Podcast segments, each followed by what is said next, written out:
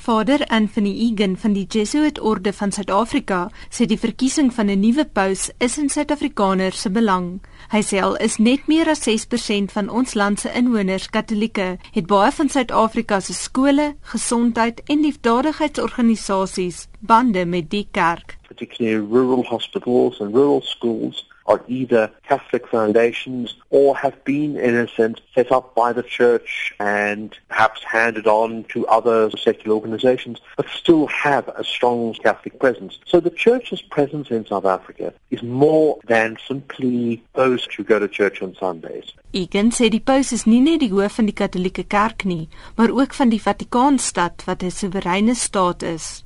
It's a small territory within the city of Rome. Uh, the Vatican City has diplomatic relations with South Africa. Volgens statistiek het die Katolieke Kerk meer as 'n miljard lidmate wêreldwyd en woon die meeste daarvan in Suid-Amerika en Afrika.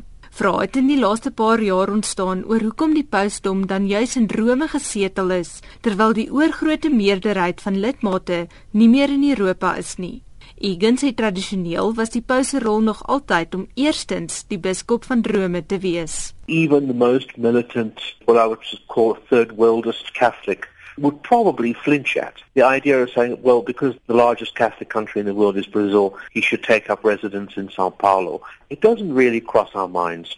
Baie Katolieke en ontleeders uit ontwikkelende lande het in die laaste paar dae op sosiale netwerke gesê hulle hoop dat die nuwe paus vir verandering nie 'n Europeër sal wees nie.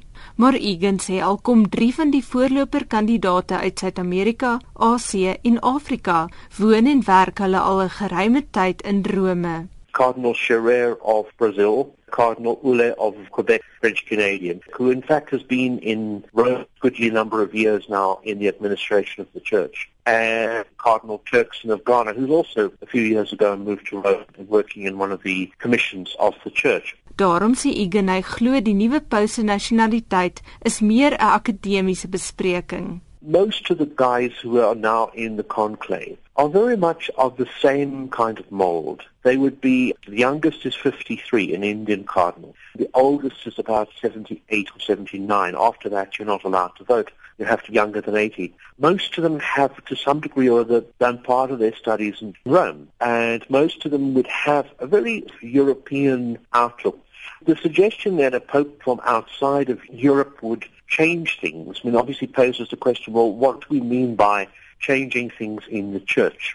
Baie mense wat die idee van 'n paus uit 'n ontwikkelende land voorstaan, sê dat die Europese paus nie altyd die vraagstukke verstaan waarmee sy lidmate worstel nie. Die vorige paus, Benedictus, is wyd gekritiseer oor sy uitsprake wat hy oor voorbehoedmiddels in die bekamping van die MI-virus gemaak het. Many moral Catholic theologians have argued that even if one doesn't disagree over the issue of whether it's right or wrong to use artificial contraception, we would say that there would be an exception allowed because the intention would be about saving a person's life and preventing disease. So the intention for which it's used is different. I would suspect that probably at least eight, even nine of the 12 African cardinals would have a more conservative stance on the use of condoms in HIV context than your average Italian Volgens Egan is die Katolieke Kerk in Afrika meer konservatief as sy westerse eweknieë. And the level of the hierarchy tends to be quite conservative, very Roman in the way it thinks On the grassroots, the church tends to make up its own mind quietly by itself. So you have this kind of split level that goes on, which I think is true of the whole church. But in those kind of things, you see, I would say that it wouldn't make a significant difference if, for example, an African cardinal or a South American cardinal or an Asian cardinal were elected. Ek is Anne Marie Jansen van Vieren in Johannesburg.